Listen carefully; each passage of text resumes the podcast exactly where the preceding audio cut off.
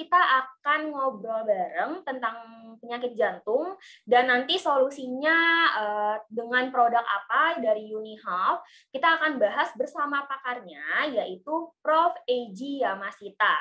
Jadi langsung aja deh kita panggil ya uh, Bapak Ibu UniHealth Family Prof. Eji Yamasita. Halo Prof. Eji. Selamat siang semua, apa kabar? Halo, baik-baik, Prof. Oke, okay. I hope uh, Prof. AG and member uh, of UniHealth always uh, stay healthy and safety ya, Prof. ya. Oke, okay, Prof. Nah, uh, today uh, the member so excited to hear you explain about the topics to the topics webinar today nih, Prof.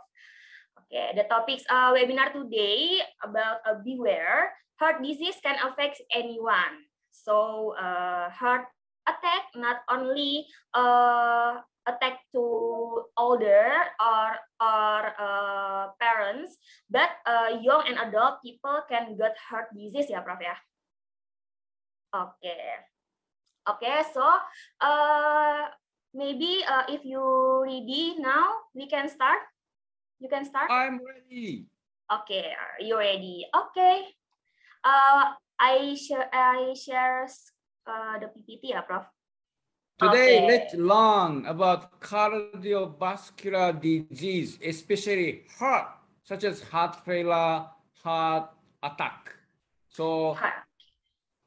if you members or some your families, relatives already have the disease, you can see, not only that, not only patient, but we, you, them, we are, everybody has a risk to get the disease. Uni Health has the best solution to prevent I would like to talk about that in this seminar. Oke, baik Prof. Jadi uh, Bapak Ibu Health Family, penyakit jantung ini nggak cuma uh, dialami oleh pasien-pasien yang sudah terkena penyakit tersebut atau yang sudah kena serangan jantung, tapi kita pun uh, yang mungkin saat ini sedang kondisi normal itu punya resiko yang uh, cukup tinggi bisa mengalami serangan jantung. Nah, jadi untuk mencegah terjadinya serangan jantung di kemudian hari atau penyakit jantung di kemudian hari, resiko-resiko ini bisa kita minimalkan dengan cara kita mengonsumsi produk-produk yang ada di UniHealth. Jadi UniHealth sendiri punya solusi untuk uh, pencegahan penyakit jantung dan juga terapi dari penyakit jantung. Oke, okay, Prof. Okay, yes. First of all, we have to learn what is cardiovascular, then cardiovascular disease, then UniHealth best solution, the product containing astaxanthin and omega-3 fish oil. Oke, jadi hari ini Bapak Ibu Uni Health Family kita akan bahas uh, terkait dengan penyakit jantung. Apa itu penyakit jantung? Kemudian uh, apa saja penyebab dari penyakit jantung dan mengapa uh, penyakit jantung ini bisa diberi uh, dan kenapa astaxanthin dan fish oil bisa diberikan untuk pasien dengan penyakit jantung. Nah, nanti akan kita bahas hari ini secara tuntas dengan Prof. AG. Okay. Yes, cardiovascular, that is blood circulation system from heart to heart during everywhere in our body. We need oxygen, we need nutrient. Who can bring it? It's blood, especially red blood cell and LDL, HDL, glucose, in the component in the blood deliver to us for nutrient and oxygen, just like that. And then there are, the blood has two important issue. It's normal blood and capillary blood. It's Capillary blood located in the every single organ in our body, such as brain, kidney, everywhere. Yuk, Prof. Uh, Oke, okay, Bapak Ibu Unihol Family. Jadi di sini uh, kita bisa lihat terkait dengan sistem dari uh, jantung yang ada di dalam tubuh kita. Di mana kalau kita bicara terkait dengan jantung, jantung ini fungsi utamanya adalah memompa darah kita ke seluruh tubuh. Nantinya darah ini akan membawa nutrisi dan juga oksigen yang dibutuhkan oleh seluruh sel-sel tubuh kita untuk melakukan aktivitas setiap harinya.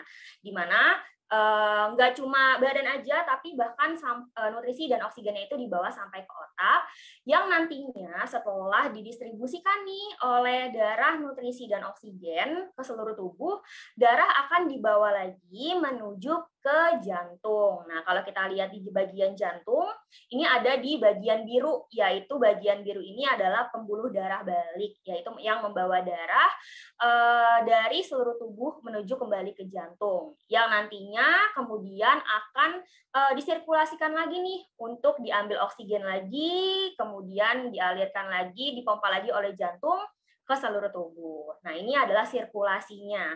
Ini perputarannya. Di mana kalau kita tahu di sini berarti jantung punya fungsi yang sangat-sangat penting dalam tubuh kita.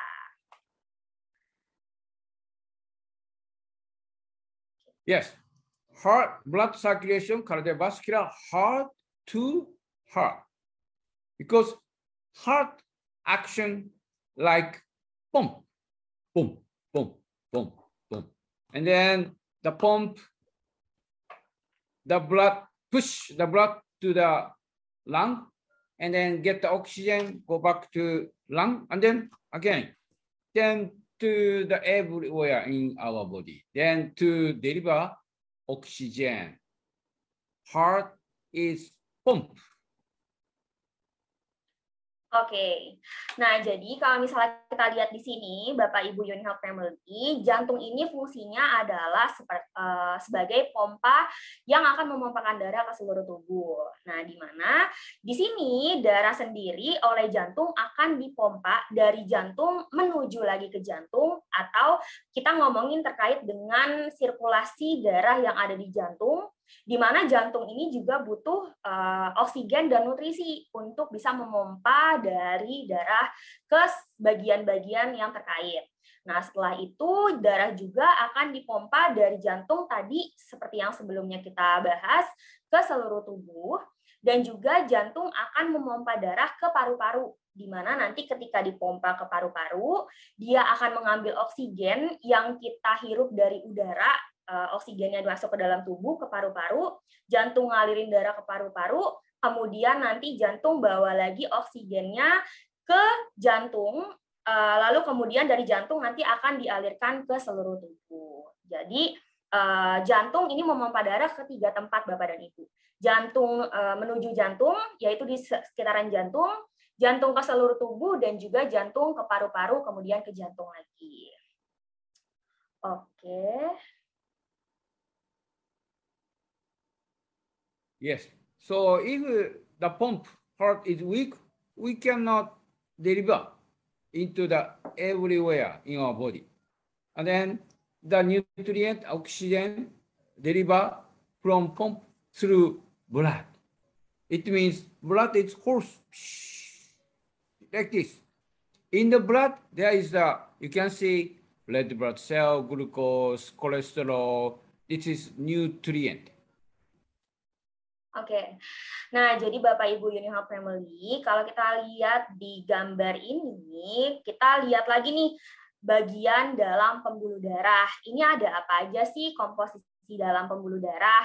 Ternyata kalau kita lihat lagi di dalam pembuluh darah yang nantinya akan mengalirkan darah ke seluruh tubuh, itu terdapat berbagai macam komponen, yaitu ada nutrisi yang dibawa tadi, kemudian ada oksigen, kemudian di sini ada sel darah merah yang nantinya akan ngangkut oksigen ke seluruh tubuh, kemudian di sini ada glukosa, ada uh, makrofag, Kemudian ada LDL, LDL ini adalah lemak jahat mungkin Bapak Ibu Unihall Family sebelumnya uh, pernah dengar webinar-webinar yang kita adakan, itu kita sering bahas tentang LDL yaitu lemak jahat di mana lemak uh, eh, LDL ini kalau nantinya semakin menumpuk dia nanti akan menyebabkan terjadinya plak atau sumbatan. Nah, makanya jangan sampai LDL ini jumlahnya banyak atau dia ngumpul jadi satu.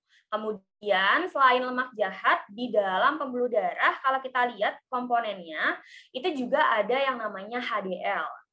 HDL ah, ini adalah lemak baik di mana HDL ini yang nantinya akan membantu uh, dari lancarnya aliran darah ke seluruh bagian tubuh kita. Ini ya, jadi HDL itu lemak baik, LDL itu lemak jahat. Nah, di mana nanti tugasnya adalah di sini kita harapkan HDL kita tinggi dan juga LDL-nya itu rendah agar tidak banyak lemak jahat yang mengumpul dalam pembuluh darah. Yes, so especially red blood cell carry and deliver oxygen. This is very important. So when the blood red blood cell go to the each organ such as brain and muscle and kidney, the blood is could chill. The so-called capillary blood. You can see that capillary blood. At the moment, they are the place that the organ can get oxygen. So let's see the animation. Yes, Oh.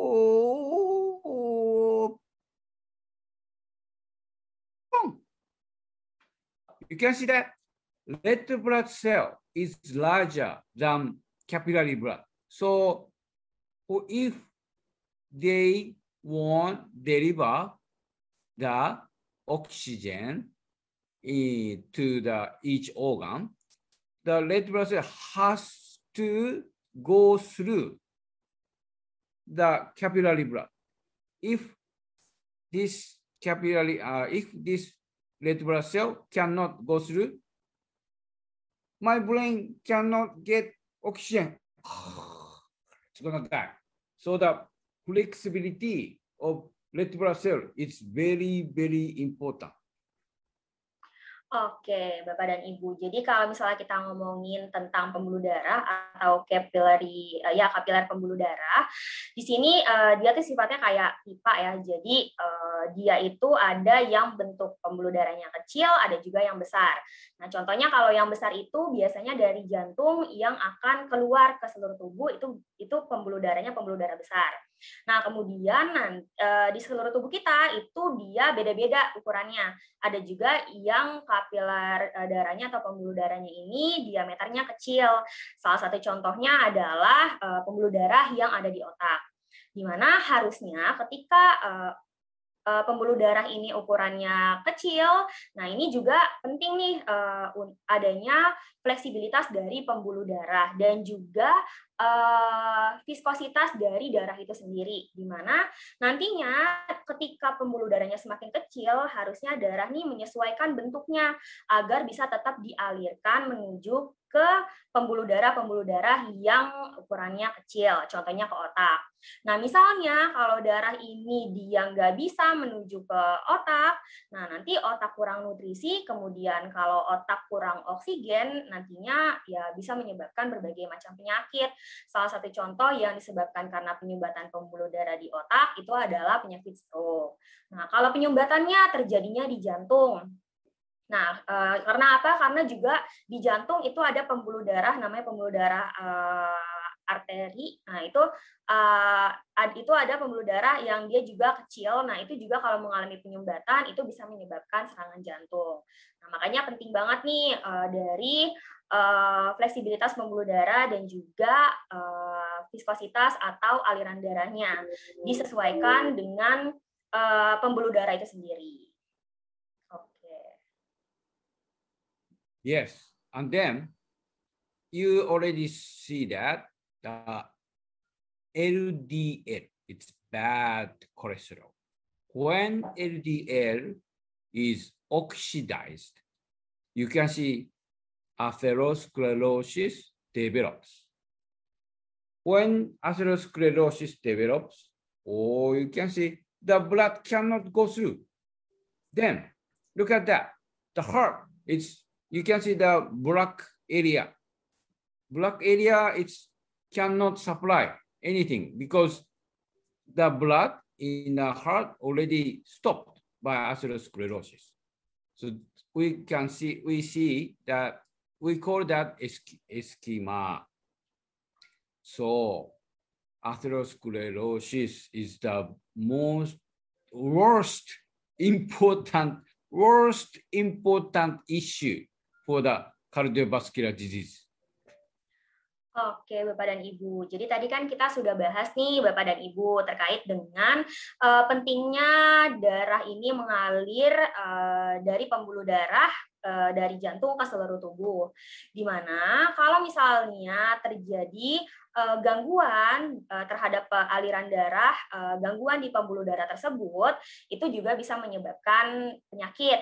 Nah, salah satunya adalah penyakit jantung. Kenapa bisa terjadi serangan jantung pada seseorang itu karena disebabkan dengan adanya oksidasi dari LDL. LDL itu tadi adalah lemak jahat di mana LDL ini ketika dia ada dalam darah kita, kemudian jumlahnya banyak, dia akan menumpuk, menumpuk, menumpuk, dan terus menumpuk, apalagi nanti ada radikal bebas, ada free radical, yang menyebabkan si LDL ini makin numpuk, jadinya nanti dia bisa menyebabkan sumbatan di pembuluh darah tersebut, atau kita sebutnya dengan nama aterosklerosis, atau mungkin bahasa Indonesianya gampangnya kita ngomong tentang uh, ngomong plak Bapak dan Ibu.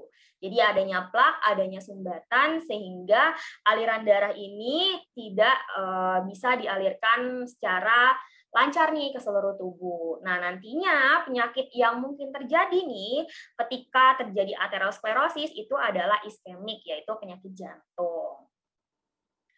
Oke, jadi ini penting banget nih, penting banget untuk kita tahu bahwa aterosklerosis ini adalah penyebab utama terjadinya penyakit jantung atau iskemik. Yes. So how we can get the disease? Those you can see the risk factors. Of course,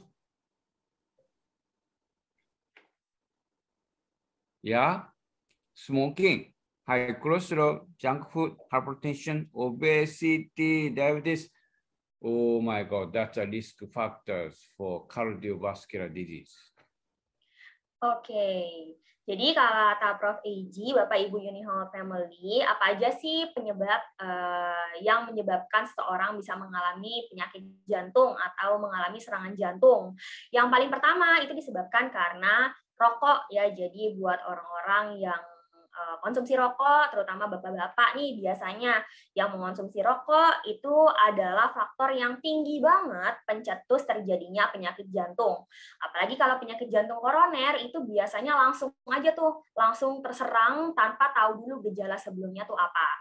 Nah, kemudian selain rokok itu bisa disebabkan juga karena kolesterol tinggi jadi untuk orang-orang yang lifestyle-nya ini merokok, kemudian banyak konsumsi makanan-makanan yang kolesterol tinggi, misalnya kayak kambing atau daging-daging itu too much banget uh, dikonsumsi setiap harinya, itu bisa uh, menyebabkan dari penyakit atau serangan jantung. Nah, kemudian kalau dari penyakit-penyakit lain atau penyakit penyerta yang bisa menyebabkan serangan jantung, itu salah satunya adalah tekanan darah tinggi atau kita sebutnya dengan hipertensi, kemudian obesitas. Jadi obesitas ini adalah berat badan yang berlebih nanti eh, biasanya kalau ngitung BMI itu ketahuan tuh apakah dia obesitas atau enggak. Nah, kalau obesitas, terjadinya obesitas, ini juga harus hati-hati nih. Bisa jadi faktor resikonya tinggi, bisa terkena serangan jantung.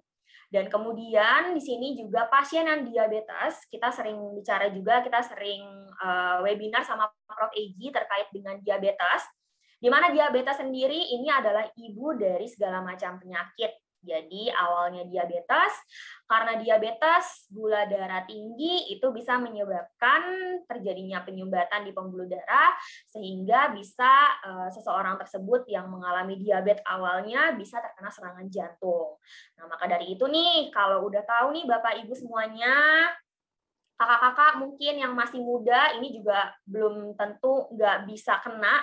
Tapi kalau lifestyle-nya buruk, sering ngerokok, sering minum alkohol, kolesterol tinggi, itu juga punya kemungkinan bisa mengalami uh, serangan jantung. So, it means how we can prevent the heart attack. It's animation. Yes, stop the atherosclerosis. This is the key point to prevent cardiovascular disease. Oke, Bapak dan Ibu. Jadi tadi kita sudah bicara tentang serangan jantung. Awalnya disebabkan karena adanya uh, aterosklerosis atau adanya plak di pembuluh darah. Nah, gimana sih langkah kita untuk bisa mencegah nih terjadinya aterosklerosis? Gimana caranya kita stop aterosklerosis ya? Nah, nanti akan disampaikan nih sama Prof. Eji gimana caranya sih biar kita nih mungkin yang normal sebenarnya belum ada resiko ini uh, bisa mencegah terjadinya uh, plak atau aterosklerosis dalam pembuluh darah kita. Yeah, to develop atherosclerosis, there are five points. So it means to stop atherosclerosis is stop the oxidation of LDL bad cholesterol, increase HDL, good cholesterol, to clean up the oxidized LDL. Use, consume omega-3 fat fish oil to melt down the oxidized LDL. Improve blood fluidity, red blood cell deformability to improve blood vessel flexibility.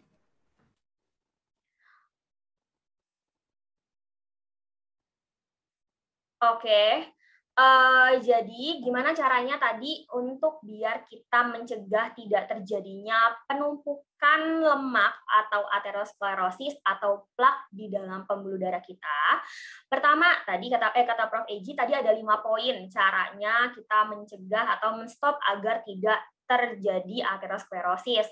Yang pertama adalah kita harus uh, menghentikan dari oksidasi lemak jahat yang ada di dalam tubuh kita atau LDL. Karena kalau LDL dia jumlahnya dia teroksidasi, dia semakin banyak, semakin banyak uh, dia bisa menumpuk yang menyebabkan plak tersebut. Nah, kemudian meningkatkan HDL atau lemak baik yang nantinya lemak baik ini dia bisa eh, membersihkan dari oksidasi LDL yang ada di dalam tubuh kita sehingga nanti bisa membantu melancarkan peredaran darah.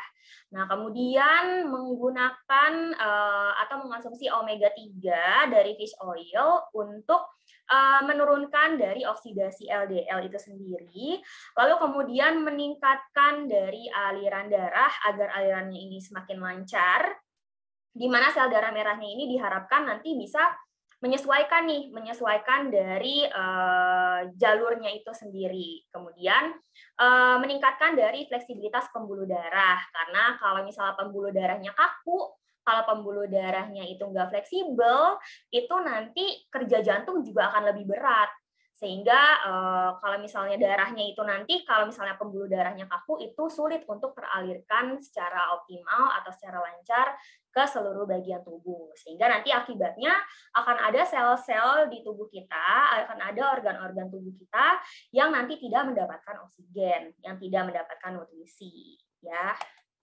Baik. Yes. Then uni health. Develop the best solution for you. That's ascorbics, including acidanti on the omega-3 fish oil. Oke, Bapak Ibu Unihall Family. Tadi kita sudah bahas gimana sih caranya untuk stop aterosklerosis. Nah, salah satunya untuk mencegah atau menstop terjadinya aterosklerosis biar tidak terjadi adanya plak dalam tubuh kita. Uh, di sini salah satu solusinya dari Unihall sendiri, ini kita punya produk yaitu Astacardix. Nah, pastinya nih Bapak Ibu Unihall Family sudah familiar ya dengan produk Astacardix.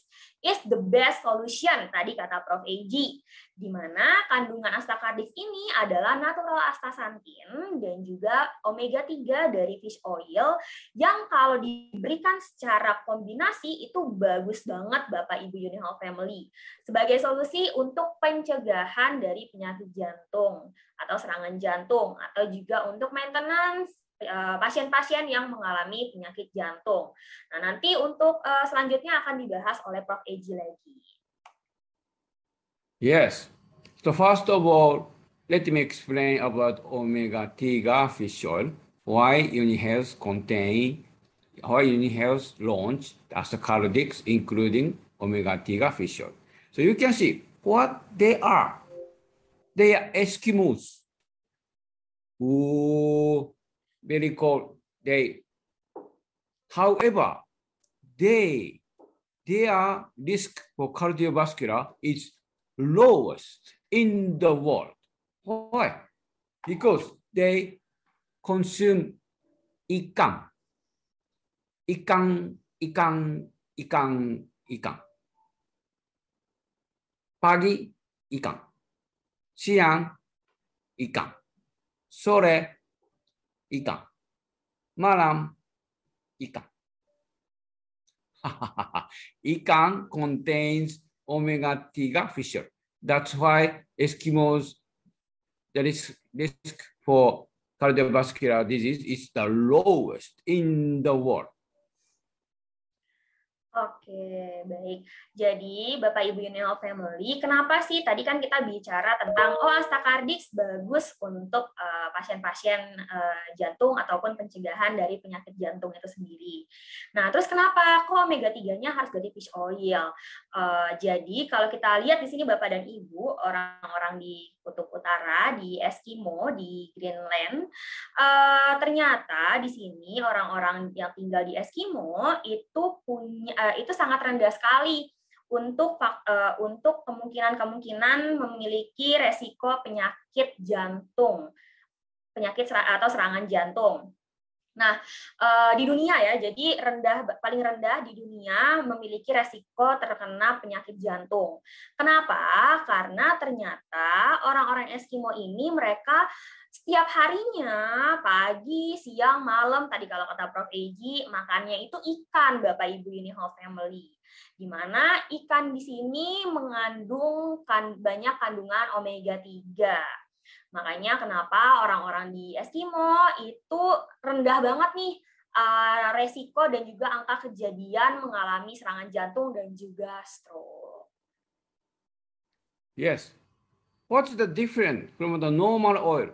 versus omega-3 fish oil. What's the normal oil in Indonesia?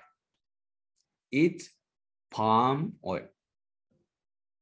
You use always palm oil to cook nasi goreng, gorengan, everything you use palm oil.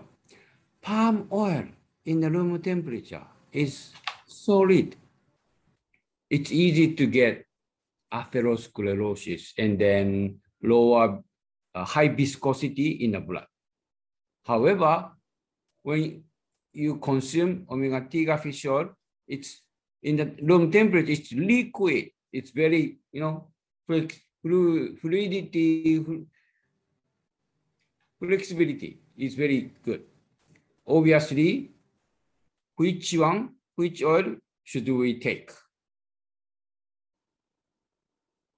Oke, Bapak Ibu Unihol Family.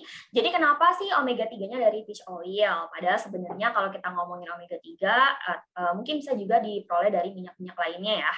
Nah, di sini ada perbandingan uh, antara kedua minyak yaitu minyak palm atau minyak kelapa sawit, minyak sawit dan juga ada minyak ikan omega 3 dari minyak ikan.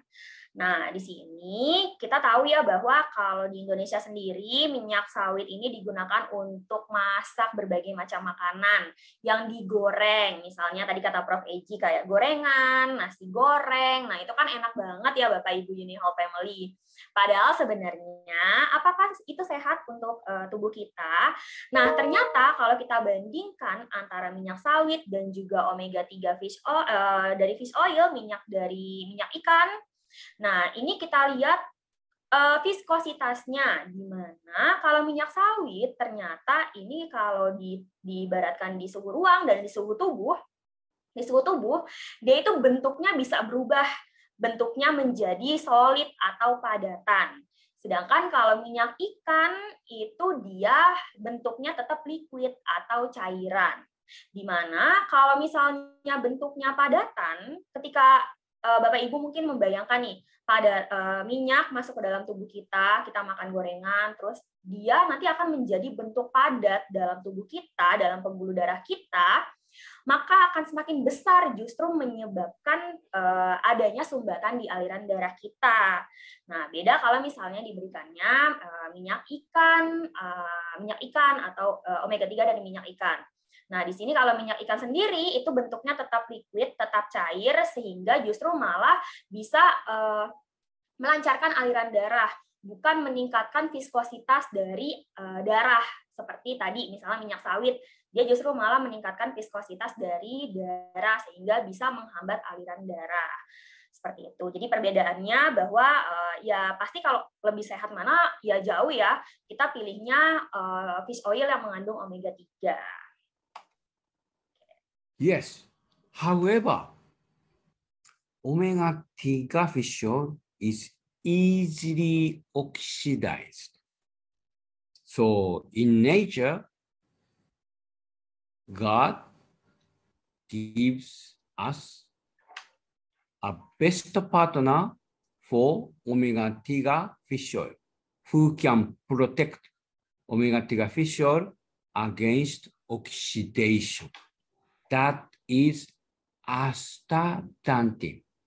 Whenever there are omega tiga oil in the planet, there is always bersama asta dan Oke, baik Prof.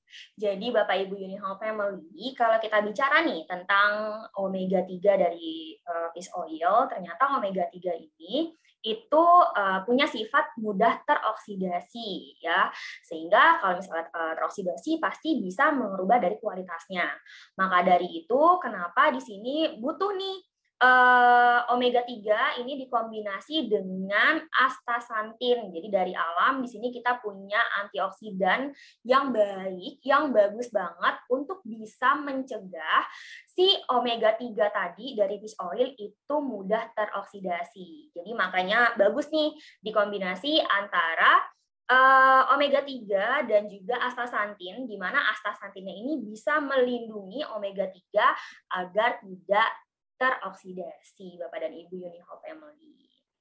Nah, kalau misalnya kita lihat di sini uh, salmon ya, ikan salmon, salmon mengandung omega 3. Nah, biasanya dia juga dalamnya ada kandungan astaxanthin.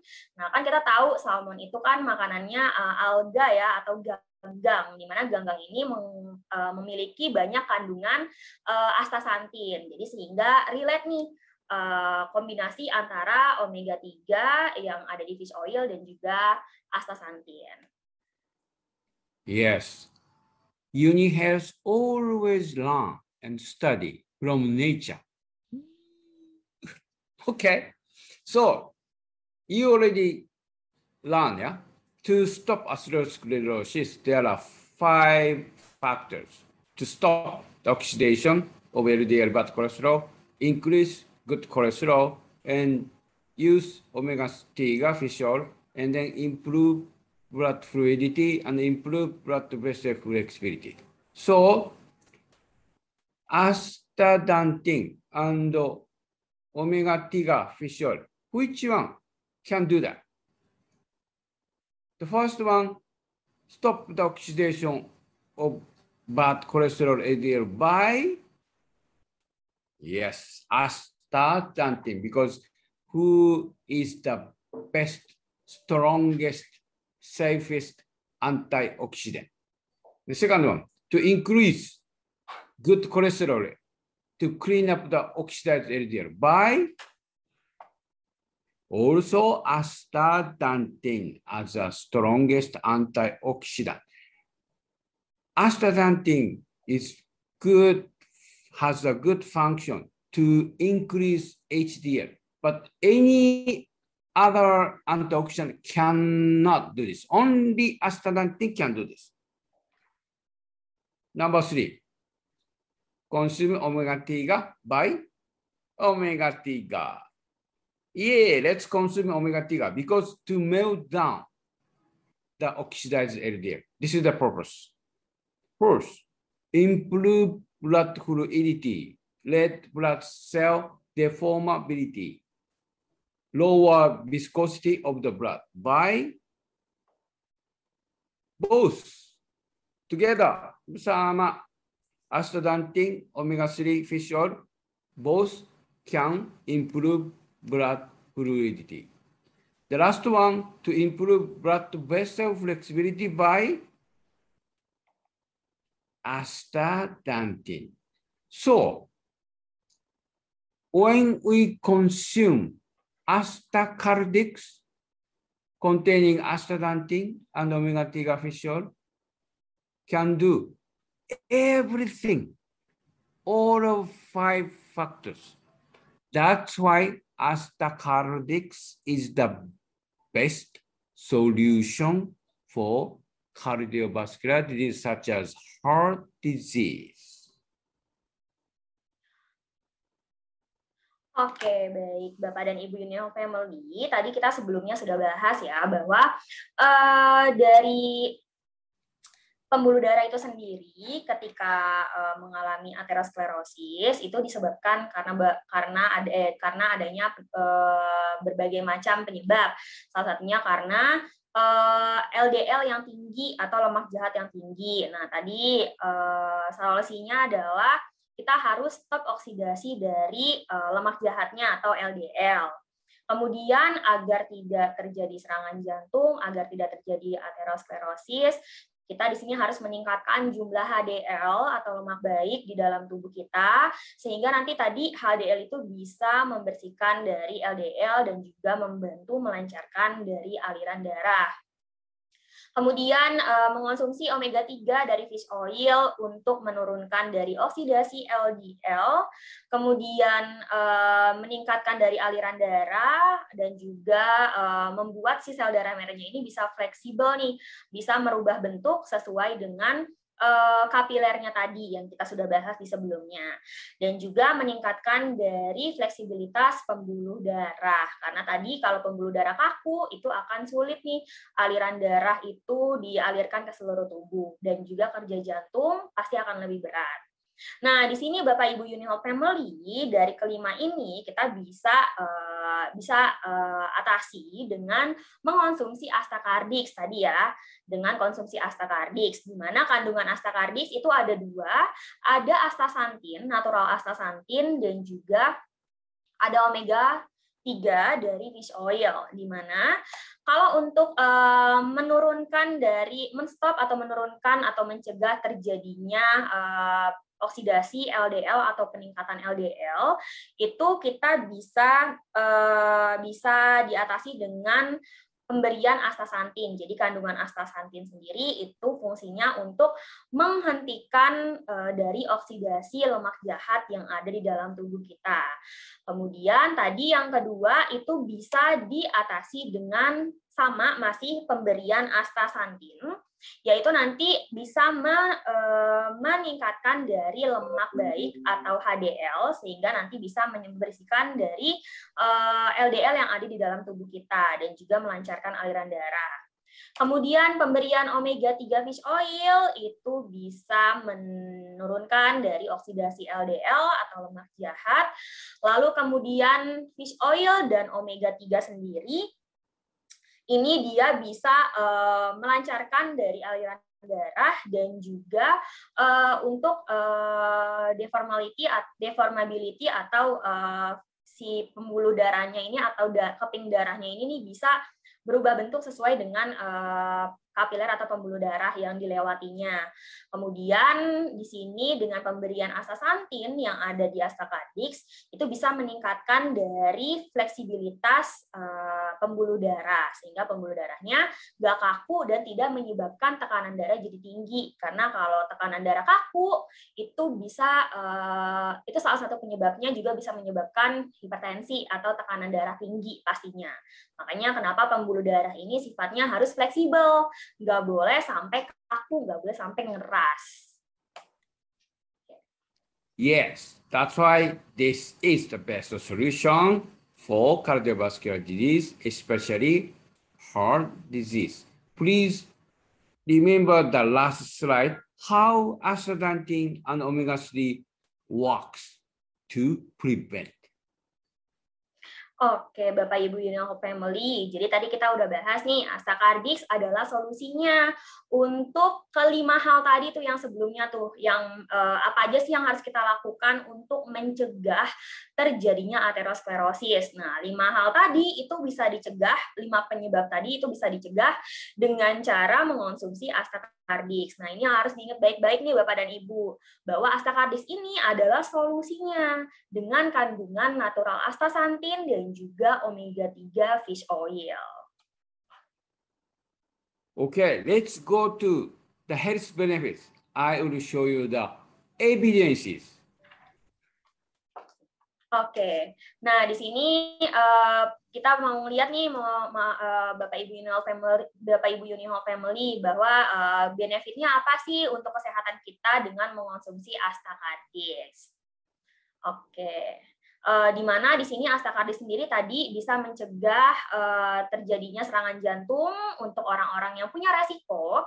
Yang punya resiko itu kita semua punya resiko, kita semua makan junk food, kita semua makan makanan kolesterol, pasti kita punya resiko bisa mengalami serangan jantung. Nah, makanya uh, jangan tunggu sampai terkena dulu, langsung aja kita konsumsi untuk kesehatan kita sehari-hari astaxanthin dan juga omega 3. Kemudian astakardi sendiri dia bisa menurunkan dari aterosklerosis atau plak yang ada di dalam tubuh kita dan juga di sini bisa mengurangi dari uh, kolesterol jahat yaitu uh, kolesterol yang jenisnya trigliserid dalam darah dan juga uh, eh, LDL tadi yang jahatnya. Nah, di sini dengan mengonsumsi astaxanthin dan juga omega 3 dari fish oil. Nah. Okay. Dr. Sakurada. He is the director Tokorozawa Health He is the last gate for severe heart failure patients who ticked off by the famous professors of Tokyo University, Osaka University, their famous professors cannot care the patient. Then they knock the door. Hey, Dr. Sakurada, help me, help me, help me. He accept the patient. Over 200 patients per day knock the door to the Dr. Sakurada. We can see the his real presentation showing the case study by Dr. Sakurada. Next slide. Oke, jadi Bapak dan Ibu Union Family di sini ada uh, seorang dokter dari Jepang, uh, yaitu adalah Dokter Sakurada, di mana Dokter Sakurada ini adalah direktur dari uh, Rumah Sakit Jantung di Tokorozawa di Jepang.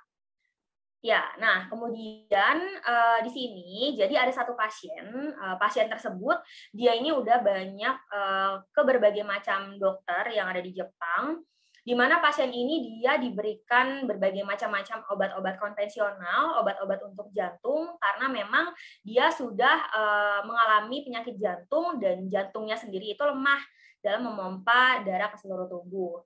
Nah, di sini uh, pasien tersebut itu udah uh, semua dokter tuh yang nangani tuh udah give up, udah nyerah, udah nggak bisa nih ini fungsi jantungnya nih udah lemah banget dikasih obat pun obat-obatan yang emang harusnya diberikan untuk pasien jantung ini nggak nggak nggak merubah atau tidak memperbaiki dari kualitas hidupnya. Nah, suatu ketika pasien tersebut datang ke dokter Sakurada dan minta bantuan nih sama dokter Sakurada untuk bisa mengatasi atau membantu dari penyakitnya itu sendiri, penyakit jantungnya. Nah, kemudian di sini dokter Sakurada itu membantu pasien tersebut dengan pemberian suplemen. Nah, nanti kita next slide itu kita bakalan uh, tonton video yang di uh, yang di mana video tersebut adalah uh, cerita dari dokter Sakurada terkait dengan pasien yang tadi harapan uh, hidupnya mungkin sudah menurun, terus semua dokter udah give up, udah minum semua obat-obatan jantung, tapi uh, dia nggak punya, nggak dapat perbaikan apa-apa pada jantungnya. Nah, nanti kita akan lihat before and after setelah dia ditangani dan dibantu atau dibantu oleh dokter Sakurada. Okay. this is a confidential presentation. So please do not upload to the any SNS such as WhatsApp and Facebook. Oke, Bapak Ibu Unihope Family. Jadi video ini, part ini adalah salah satu yang paling penting dalam webinar kita kali ini. Karena ini berisi dari uh, testimoni atau pernyataan dari dokter uh, Sakurada tentang penyakit dari pasien tersebut. Nah, diharapkan eh, di sini ini spesial untuk Unihall Family nih uh, testimoninya dan jangan dan uh, ya uh, di sini kita jangan sampai Bapak Ibu Unihall Family itu ngupload ke sosial media ya karena ini untuk internal dan dari member-member yang ada di UniHealth saja untuk Bapak Ibu keluarga UniHealth. Oke, okay, uh, eh, I start ya. Oke, okay. oke. Okay. Mari kita tonton ya Bapak Ibu UniHealth Family videonya. You can yeah, this is the real voice. You can hear the voice? Okay. This is Dr. Sakurada's real voice. Japanese speaking. Oke. Okay. Nah, ini adalah Dr. Sakurada sendiri nih Bapak dan Ibu Union Family yang uh, bicara. Nah, nanti Bapak Ibu di sini ada translate-nya, mungkin bisa dilihat juga translate-nya. So he shows the worst case in his history. Even he already received that over 200 patients per day for over 10 years. He's the worst case. Ya, oke. Okay. Ini ini merupakan uh, kasus yang cukup ini ya, cukup penting, cukup cukup wah banget di di, di Jepang karena uh, dari si pasiennya itu sendiri nih di mana-mana nih udah ditolak-tolakin nih Bapak Ibu you know, family uh, untuk diatasi oleh berbagai macam dokter-dokter yang ada di Jepang. The patient was still 40s, not 50, not 60s, still 40. However, the worst, the, the heart is very big and weak, cannot, cannot move. So when the patient walks 10 meter,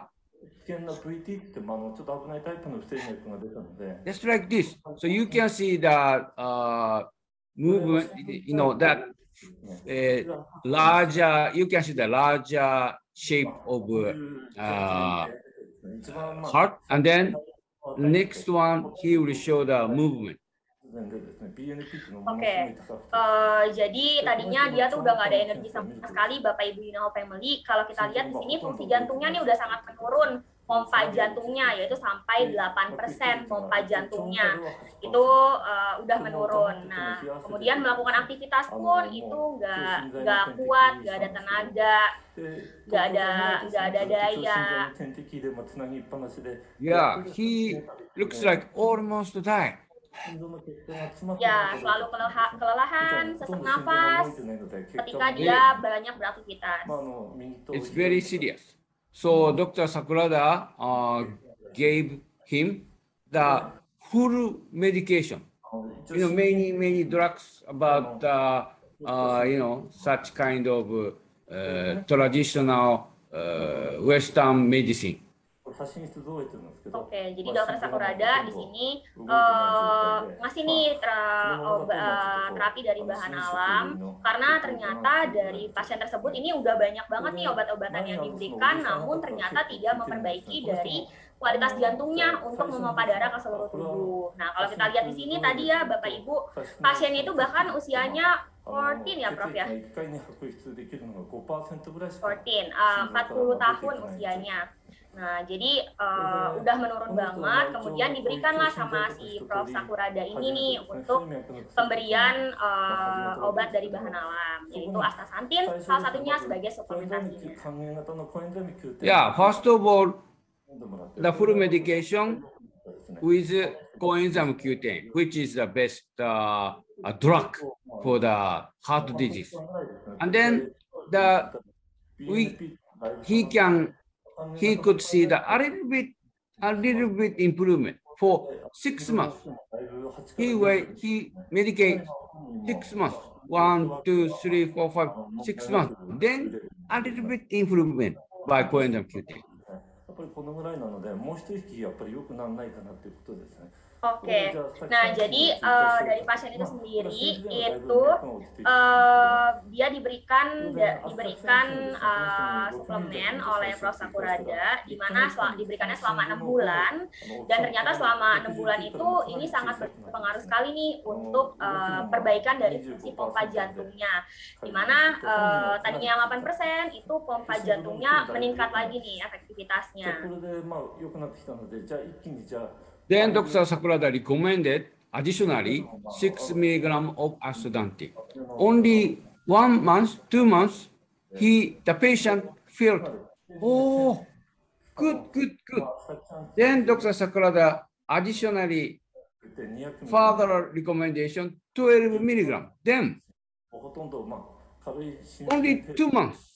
まあすごい動きが良くなってですね。もう主人になりゴルフまで That's kind of miracle. He, the patient fared very well, and then he played golf. Oke. Nah, jadi tadinya pasien tersebut kan fungsi jantungnya menurun sampai 8%. Pompa jantungnya nih sulit memompa darah ke seluruh eh, sulit memompa darah dari jantung ke seluruh tubuh. Kemudian awalnya tuh dokter Sakurada ngasih eh, dosis yang 6 mg Bapak Ibu Union Hope Family. Nah, ternyata ini perubahannya cukup signifikan sekali nih. Dari fungsi jantungnya yang tadinya 8% itu improve atau naik terus nih fungsi jantungnya hingga eh, pasien tersebut nih minta lagi ke dokter Sakurada nih bahwa ini Mbak, saya merasa enakan loh dok, saya merasa dari fungsi jantung saya ini meningkat. Padahal sebelumnya ketika cuma minum dari obat-obatan konvensional doang, ini fisiknya lemah banget.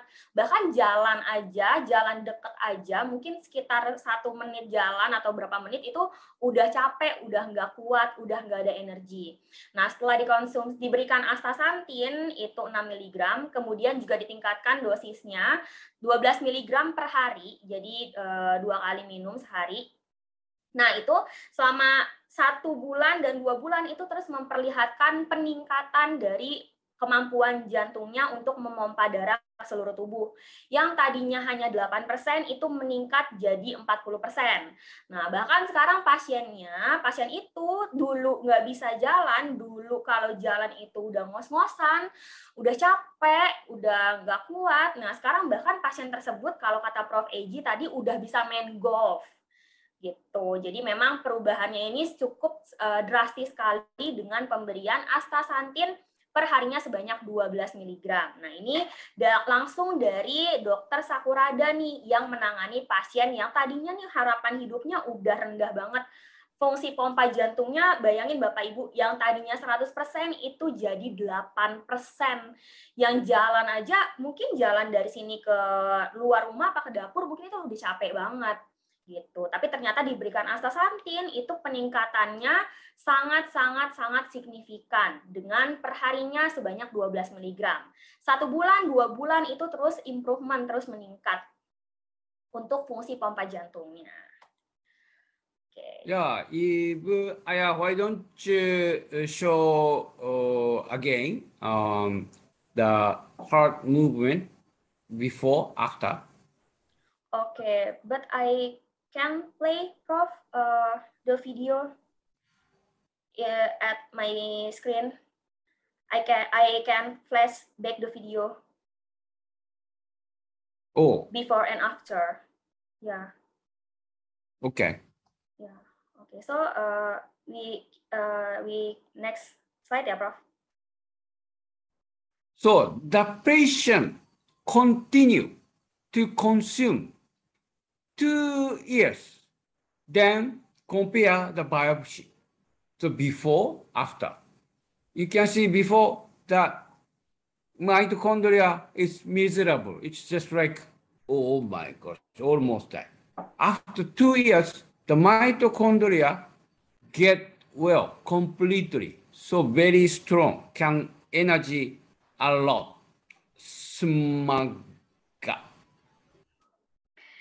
Oke, Bapak Ibu Union Family. Jadi di sini uh, kita bisa lihat nih uh, penelitian dari Dr. Sakurada nih tadi terkait dengan pasien yang diberikan astaxanthin untuk meningkatkan dari kualitas uh, fungsi jantungnya atau pompa jantungnya. Nah, ini ada gambaran dengan menggunakan mikroskop. Jadi ini menggunakan kayak preparat gitu, diambil sedikit kemudian dilihat uh, selnya, jaringan uh, selnya, sel mitokondrianya menggunakan mikroskop. Nah, ternyata di sini kalau kita lihat nih Bapak Ibu Unihol Family, ini perubahannya sangat-sangat drastis ya dengan pemberian suplementasi selama 2 tahun di mana fungsi jantungnya ini yang tadinya 8% ini bisa meningkat sampai 49%. Bahkan udah setengah dari fungsi jantung normal eh, dari pasien tersebut nih, udah kembali lagi setengahnya dari fungsi yang normalnya seperti itu. Jadi memang dari fungsi astaxanthin ini sangat baik sekali untuk meningkatkan kualitas jantung kita untuk memompa darah ke seluruh tubuh. Udah ada penelitian langsung dari Dr. Sakurada nih yang menggunakan astaxanthin ini. Bahkan untuk orang yang eh, bahkan kualitas hidupnya ini udah sangat rendah sekali atau dinyatakan di mana-mana ini udah nggak bisa sembuh. So before showing the other uh, clinical study, I think uh, if I disclose the case of your father. Okay. Oke, okay, ya jadi uh, kemarin sempat cerita sama Prof. Eji uh, terkait dengan my father ya Prof ya. Ayah saya, Bapak Ibu Unil Family. Jadi kemarin uh, ayah saya pun punya penyakit jantung nih. Nah, kemudian kemarin sharing sama Prof. Eji. Jadi udah pasang tiga ring, terus biasanya kalau jalan jauh atau jalan sedikit aja ini udah ngos-ngosan Bapak Ibu, uh, Bapak saya sendiri. Terus kemudian konsumsi Astakardix nih, saya kasih Astakardix satu hari uh, dua kali minum dua kapsul. Nah ternyata sebenarnya belum sampai sebulan sih, uh, only two weeks uh, my father consume uh, hanya dua minggu saja ayah saya konsumsi itu perubahannya udah benar-benar kerasa banget. Bahkan uh, tadinya bapak saya nggak tahu nih ini beli di mana sih produknya sampai nanya ke saya. Nah saya bilang emang kenapa? Ternyata katanya uh, iya udah minum ini dua minggu ini alhamdulillah jalan jauh nih kuat, nggak ngos-ngosan lagi. Bahkan udah jarang minum ISDN. Jadi ISDN itu kan uh, kayak tablet uh, tablet yang dibawa lidah. Kalau misalnya sesek biasanya minum nih ayah saya. Nah itu udah berkurang banget konsumsi ISDN-nya dan juga jalan jauh itu uh, katanya tenaganya udah banyak, udah nggak gampang capek lagi. Nah kemarin sempat sharing nih sama Prof. AG terkait dengan uh, my, story, my father story ya Prof ya. Kisah ayah saya yang menggunakan Astakartix. Terima kasih Prof. AG. Oke, okay, nah semoga uh, the member uh, get best result juga ya uh, from this product ya Prof ya from Astakardix. Nah, jadi berharapnya Bapak Ibu Union Family di sini mungkin uh, kerabat atau orang terdekat ini punya uh, riwayat penyakit jantung atau udah sampai pasang ring, biasanya kan lemas ya. Nah, ini coba deh konsumsi Astakardix. So far sih di sini banyak testimoninya dan saya merasakan sendiri. Saya berikan ke ayah saya. Seperti itu. Yeah, okay. omega 3 fish oil also has evidence. This is that. 300 patients consume omega-3. Then heart failure was improved. Just like this. Oke. Okay. Nah, jadi Bapak Ibu, tadi kan kita sudah bahas nih tentang fungsi dari astaxanthin itu sendiri. Nah, terus kalau omega 3-nya gimana nih fungsinya untuk uh, jantung? untuk kesehatan jantung. Nah, di sini ada literatur, di sini ada penelitian uh, terkait dengan pengujian omega 3 untuk pasien yang mengalami jantung, yaitu sekitar 317 pasien di mana di sini diberikan selama 6 bulan 6 bulan omega 3, suplementasi omega 3 dan dibandingkan dengan placebo. Jadi kalau placebo ini sebenarnya uh, orang atau pasien ini yang nggak dikasih apa-apa sama sekali versus orang yang dikas pasien yang dikasih omega 3. Nah, ternyata di sini kalau kita lihat dari uh, markernya atau ya markernya, jadi sini ada marker-marker yang uh, menandakan bahwa fungsi jantungnya nih persentasenya gimana sih? Nah, ternyata yang dikasih omega 3 dibandingkan yang tidak diberikan omega 3, ini beda banget nih persentasenya Bapak dan Ibu. Di mana dengan pemberian omega 3 ini uh, bisa menurunkan dari resiko-resiko uh, terjadinya penyumbatan ataupun terjadinya penyakit jantung gitu. Jadi bisa meminimalkan resiko penyakit jantung itu sendiri. Nah, ini yang biru-biru Bapak Ibu bisa lihat semakin menurun yang artinya berarti tidak uh, tidak menyebabkan perparahannya dari penyakit jantung itu sendiri. Oke. Okay. So, astaxanthin reduces atherosclerosis uh, substantiated by this study. Even astaxanthin can prevent and cure its reverse existing atherosclerosis was reduced by astaxanthin. Oke, jadi Bapak dan Ibu, selanjutnya di sini ada penelitian uh, pada hewan coba, di mana di sini kita lihat ini awalnya uh, kalau misalnya dilihat di sini, ini tuh yang yang warna-warna hijau terang itu adanya sumbatan di pembuluh darah aortanya, pembuluh darah yang dekat jantung pada hewan coba. Nah, di sini uh, kemudian kita bandingkan nih selama enam minggu dari hasil uh, yang kontrol sama uh, yang kontrol atau yang kontrol ini nih yang tidak diberikan apa-apa. Dan juga uh, selama enam minggu uh, hewan coba yang diberikan astaxanthin. Nah, kalau kita lihat di sini, ini cahaya hijaunya ya Bapak dan Ibu ya, yang menandakan adanya plak atau adanya sumbatan.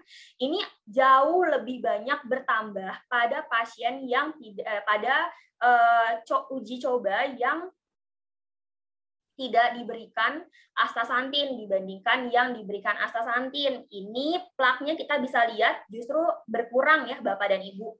Yang tadinya cukup banyak nih hijau-hijau terangnya ini, setelah diberikan astaxanthin ini warna hijau terangnya ini menjadi berkurang. Nah, maka dari itu di sini kita bisa simpulkan bahwa pemberian astaxanthin ini bisa mengurangi dari adanya plak-plak atau aterosklerosis yang ada di pembuluh darah penelitiannya udah banyak banget nih, jadi nggak perlu lagi diragukan Bapak dan Ibu untuk konsumsi astaxanthin every day per hari ya. Oke. Okay. Yes, and then atherosclerosis was reduced also by omega T fission. You can see that the red red part was is atherosclerosis. It was reduced by Só. Oke, nah jadi kalau tadi terkait dengan uh, aterosklerosis yang berkurang karena pemberian uh, astaxanthin, nah untuk uh, penelitian yang ini, yang di slide ini, itu terkait dengan pemberian omega 3 nih Bapak dan Ibu Unihealth Family. Di mana kalau kita lihat di sini adalah before-nya, yang omega 3 ini adalah uh, after-nya, after pemberian omega 3. Nah, ternyata di sini dari omega 3 itu sendiri itu bisa mengurangi uh, mengurangi dari plak uh, atau mengurangi aterosklerosis uh, dengan pemberian omega 3 300 mg per hari uh, per kilogram selama 12 minggu. Jadi dengan pemberian omega 3 dengan pemberian fish oil uh, sorry dengan pemberian omega 3 dengan pemberian astaxanthin ini bisa mengurangi aterosklerosis atau plak-plak yang ada di pembuluh darah. And then astaxanthin reduce the triglyceride level and then increase good cholesterol HDL level and then increase good fat using hormone by clinical study consuming 12 milligram for three months. Oke, nah jadi ini juga ada penelitian Bapak Ibu Unihall Family uh, tentang uh, pemberian 12 mg astaxanthin di mana pada uh, penelitian ini diberikan 12 mg astaxanthin itu bisa menurunkan dari kadar trigliserida atau kadar lemak jahat kemudian juga bisa meningkatkan sebesar 15% bahkan peningkatannya untuk kolesterol baik. Dan juga di sini juga bisa meningkatkan dari fat using hormone atau hormon uh, yang uh, membuat membuat uh, si lemaknya ini bisa masuk ke dalam organ-organ uh, atau sel tubuh atau jaringan lemak dalam tubuh. Jadi biar nggak banyak nih di pembuluh darah yang menyebabkan adanya penyumbatan pembuluh darah. Jadi si lemaknya tadi dibawa nih ke jaringan-jaringan ke ke jaringan lemak yang ada dalam tubuh kita. Then blood fluidity as then can improve.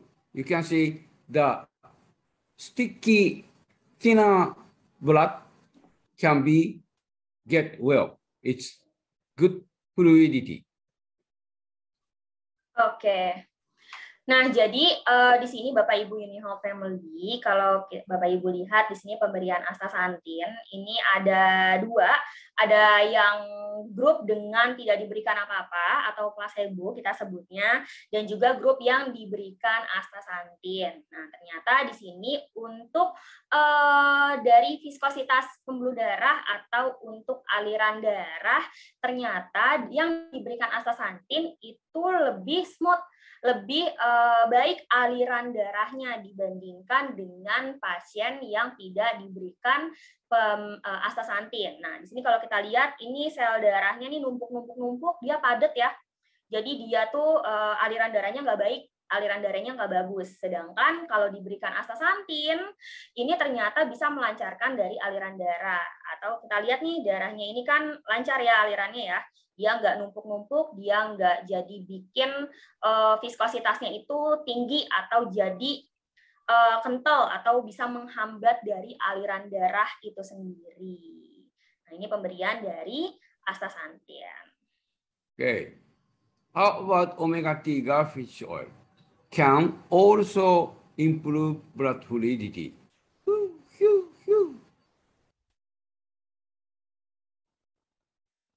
Oke. Nah, jadi Bapak Ibu Unihall Family di sini pemberian omega omega 3 sendiri uh, selama 20 minggu dibandingkan atau versus dengan placebo lagi uh, versus dengan yang tidak diberikan apa-apa. Uh, selama 20 minggu itu ternyata sangat signifikan sekali nih untuk uh, sama masih melancarkan dari aliran darah itu sendiri. Kalau kita lihat selama 20 minggu ternyata uh, aliran darah atau aliran darahnya itu meningkat. Jadi lebih baik dibandingkan dengan yang placebo atau tidak diberikan apa-apa. Itu karena paling penting adalah aliran darahnya lancar, uh, kemudian fleksibilitas pembuluh darahnya juga uh, apa namanya baik bapak dan ibu atau tinggi jadi tidak menyebabkan adanya penyempitan atau uh, penyumbatan dari pembuluh darahnya.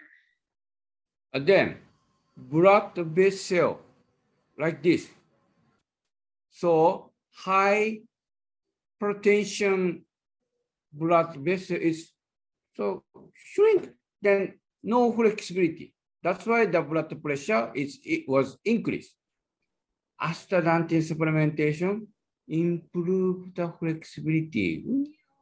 It's very soft, can very you know even a lot of blood come here. It's okay, okay. Oke, nah ini kalau tadi terkait dengan viskositas atau aliran darah yang ketika diberikan astaxanthin dan omega 3 itu jadi lebih baik alirannya, lebih lancar alirannya untuk mengalirkan nutrisi dan oksigen ke seluruh tubuh. Nah, penelitian yang saat ini yang di slide ini itu menunjukkan tentang fleksibilitas dari pembuluh darah. Di mana kalau kita lihat di sini ada dua penelitian, ada penelitian yang tidak diberikan apa-apa versus yang uh, pasien yang diberikan astaxanthin dengan uh, uji coba yang diberikan astaxanthin Ternyata di sini sangat berbeda sekali nih untuk fleksibilitas dari pembuluh darahnya. Kalau Bapak Ibu lihat di sini yang kontrol ini kayak bentuk uh, gambar itu kayak fiber-fiber gitu kayak benang-benang gitu ya. Uh, ini lebih padat, dia lebih padat, lebih kaku jadinya. Uh, dia bentuknya nggak sempurna, dia tidak bentuk kayak yang sampingnya nih, yang dia lebih uh, elastis, dia lebih renggang-renggang sehingga dia uh, lebih fleksibel nih pembuluh darahnya. Di mana tadi balik lagi kembali lagi kalau misalnya nggak uh, elastis pembuluh darahnya, pembuluh darahnya kaku, otomatis nanti darah nih akan uh, tekanan darah tinggi yang nantinya bisa juga menyebabkan hipertensi dan juga bisa memperberat dari kerja jantung kita. Makanya jangan sampai pembuluh darah kita ini nggak fleksibel atau pembuluh darahnya jadi keras, jadi kaku nanti malah bisa menyebabkan berbagai macam lagi nih penyakit-penyakit kayak tadi tekanan darah tinggi, kemudian jantungnya makin uh, berat nih untuk kerja uh, dalam memompa darahnya. Okay. Yes, so let's wrap up. Astacardics, the best solution for cardiovascular disease, especially heart disease, to prevent and improve. The key word is stop the atherosclerosis like this. How we gonna do? There are five points. One, stop the oxidation of the LDL cholesterol. This is the first step to prevent.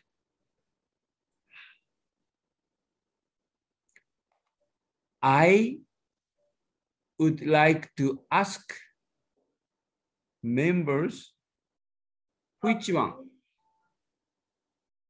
astaxanthin or omega tiga can do that for five points. Can I ask? Okay. Yes. Oke, Bapak Ibu Unihal Family. Jadi tadi kan ada lima, uh, lima faktor ya yang kita bisa lakukan atau lima poin yang bisa kita lakukan untuk mencegah aterosklerosis.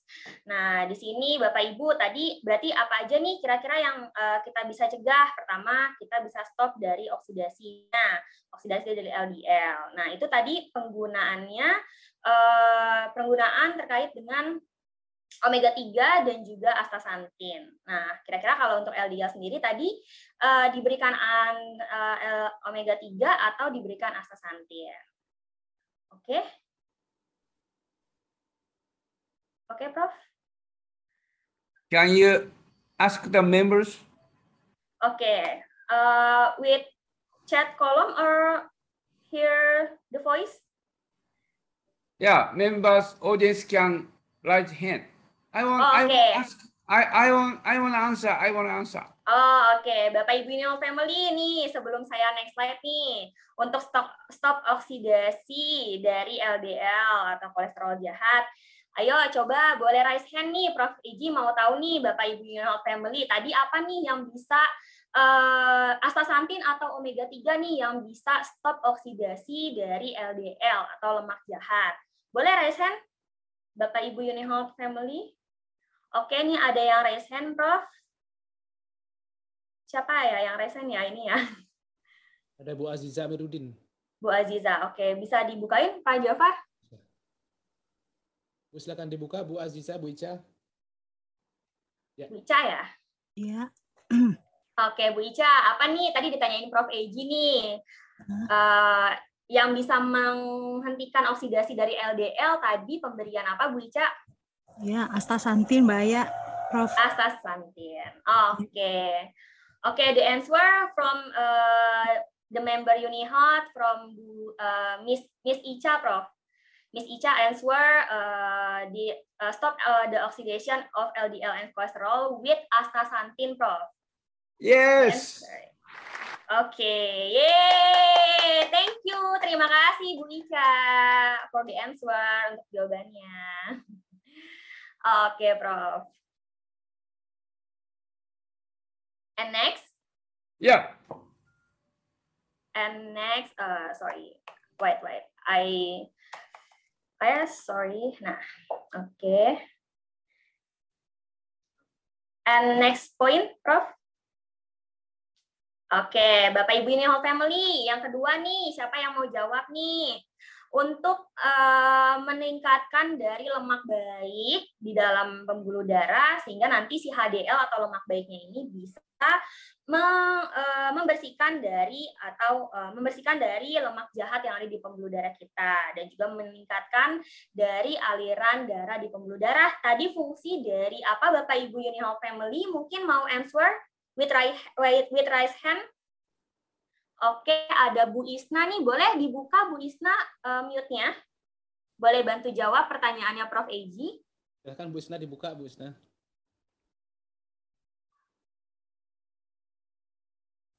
Halo, Bu Isna. Bu Isna bisa dibuka bisa ya? unmute ya, di unmute ya. Iya, bisa di-unmute Bu Isna. Boleh kita jawab bareng pertanyaannya Prof. Eji nih. Mau tahu nih, eh, katanya member-member Unihub udah harus hafal nih lima poin ini nih. Karena nanti kan buat eh, ngejual produk Astakardix juga biar tahu manfaatnya. Kolom chat ada tuh, Kak. Oh, bisa eh, di kolom chat ya, nggak bisa ini langsung ya. Oke, oke, Prof. Eh, the answer at eh, chat column, Prof. Omega 3, Prof.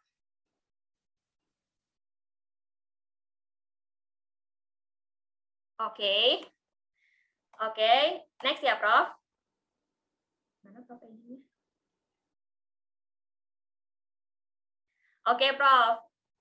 The answer is omega 3, Prof. Yes? yes? Or no? Right? No? No. Bo, not omega 3 ya, Prof? Oke, apa nih Bapak Ibu Unil Family? Oh, uh, Miss Aziza and uh, Miss Isna answer astaxanthin. Right, Prof? Oke, ya benar ya Bapak Ibu Unil Family ya. Jadi yang kedua itu eh, bisa diatasi dengan pemberian astaxanthin. Oke, yang ketiga nih Bapak Ibu Unihal Family. Eh, omega 3 eh, dengan pemberian omega 3 fish oil bisa menurunkan dari oksidasi lemak jahat. Nah, ini tadi fungsi dari apa? Boleh dicek. Salmon oil kata Bu Yayu. Bu Iro salmon oil. Untuk pertanyaan nomor tiga for the for uh, for oke okay. salmon oil Bu Miss Ratna Bu Ratna. Oke, okay. oke, okay. coba kita lihat ya, apakah jawabannya salmon oil. Tuh ini laptopnya ya. Bentar. Oke, okay. oke, okay, benar. Omega 3 fish oil ya. Oke, nah selanjutnya Bapak Ibu Unihol Family yang keempat untuk meningkatkan dari aliran darah. Ini fungsinya dari apa? Boleh dijawab di kolom komentar. Wah, salmon unihot, salmon oil unihot kata Bu Iro, yang lain belum tentu. Ya benar ya Bu Iro ya. Oke, apa astaxanthin dan salmon oil kata Bu Yayu, kata Bu Ratna. Oke, kita lihat jawabannya. Yeay! Oke, jawabannya benar ya. Nah, selanjutnya untuk poin uh, kelima, poin terakhir nih untuk meningkatkan dari fleksibilitas pembuluh darah biar pembuluh darahnya nggak kaku, biar pembuluh darahnya fleksibel. Ini diberikan apa nih Bapak Ibu Unihol Family? Bu Yayu astaxanthin, Bu uh, Ica astaxanthin, Pak, Pak Cucus astaxanthin, Bu Binarti astaxanthin. Oke, okay. the answer is tadada dada, jeng jeng jeng jeng jeng. Astaxanthin, yeay! Thank you Bapak Ibu Unihol Family, terima kasih. Arigato. Almost, luar biasa, Prof. Uh, almost uh, all question uh, member uh, member uh, answer the true uh, the true ya. Yeah. Oke, okay. next ya, Prof. Yep. Uh, Oke. Okay. Yes. So to prevent for prevention, Astacardix is the best solution. If you got very serious, I would like to strongly recommend to consume salmon oil additionally because that was substantiated by human clinical study. It's over 200 patients. Oke, nah jadi ini juga ada penelitian lagi nih Bapak Ibu Unihall Family terkait dengan pemberian salmon oil. Jadi uh, tadi kan salmon oil yang ada di omega eh sorry, yang ada omega 3 yang ada di Astacadix. Nah, sekarang uh, dari salmon oil yang ada di Unihall nih Bapak dan Ibu, sebenarnya kan kandungannya juga sama ya sama-sama omega 3 di mana di sini ternyata dengan pemberian salmon oil itu juga bisa menurunkan dari kadar uh, trigliserida atau lemak jahat yang ada di dalam tubuh. Uh, ini penelitiannya dilakukan uh, pada 215 wanita yang punya riwayat kadar kolesterol jahat tinggi dan di sini diberikannya itu selama kurang lebih uh, 12 minggu ya. Nah, ternyata di sini untuk trigliserida, kemudian untuk LDL, ini untuk lemak jahatnya, ini uh, kadarnya menurun drastis dengan pemberian salmon oil.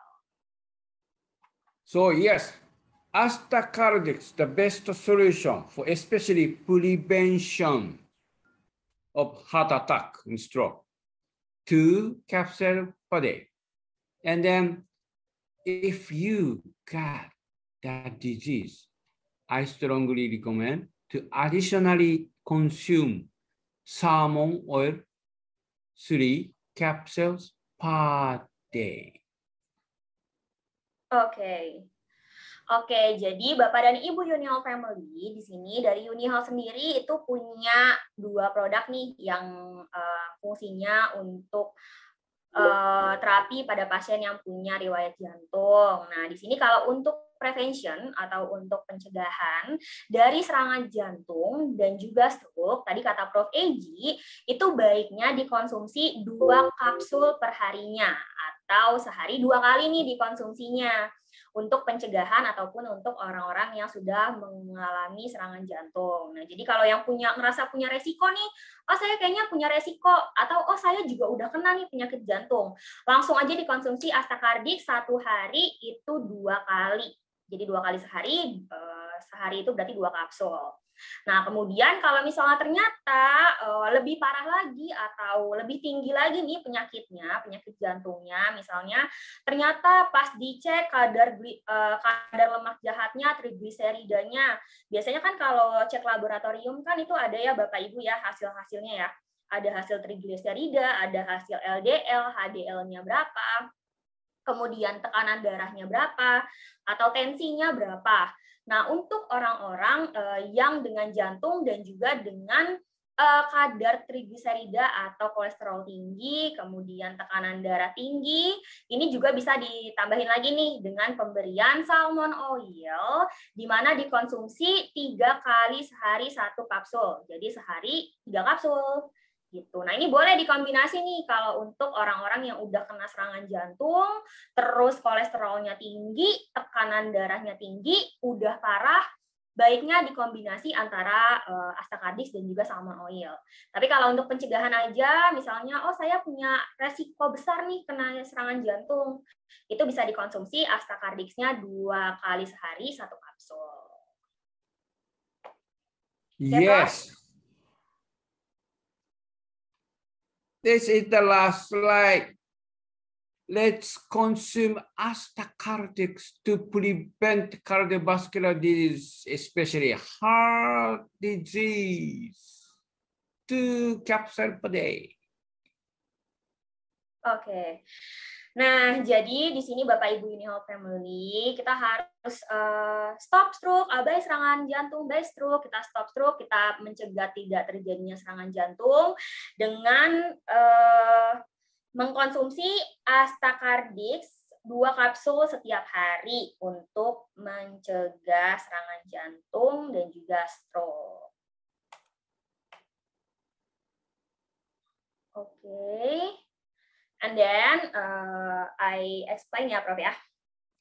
Oke, Bapak dan Ibu Unihall Family, satu lagi nih tambahan uh, terkait dengan produk astaxanthin dari Unihot, Asta Gold, Asta Gen, kemudian Asta Cardix. Di sini kita teknologinya no kaleng-kaleng ya Bapak dan Ibu, ya no kaleng-kaleng ya. Jadi kita pakai teknologi yang namanya fast teknologi, di mana uh, quick fast teknologi mungkin Bapak Ibu kalau minum astaxanthin ya, minum Asta Gold atau minum Asta Cardix itu ada bacaan fast teknologi di mana di sini kita menggunakan uh, sediaan cair dalam kapsulnya. Jadi bukan padatan, bukan serbuk, tapi kita sediaannya cair yang memang uh, uh, yang memang kita harapkan ini dalam bentuk cair itu bisa lebih mudah diserap dalam tubuh sehingga lebih cepat penghantarannya atau absorpsinya ke seluruh tubuh gitu. Jadi makanya kenapa kita pakainya uh, quick fast teknologi biar lebih cepat diserap oleh tubuh sehingga efektivitasnya bisa lebih uh, norm eh, efektivitasnya bisa lebih bisa lebih tinggi lagi, bisa lebih baik lagi. Oke, okay, thank you.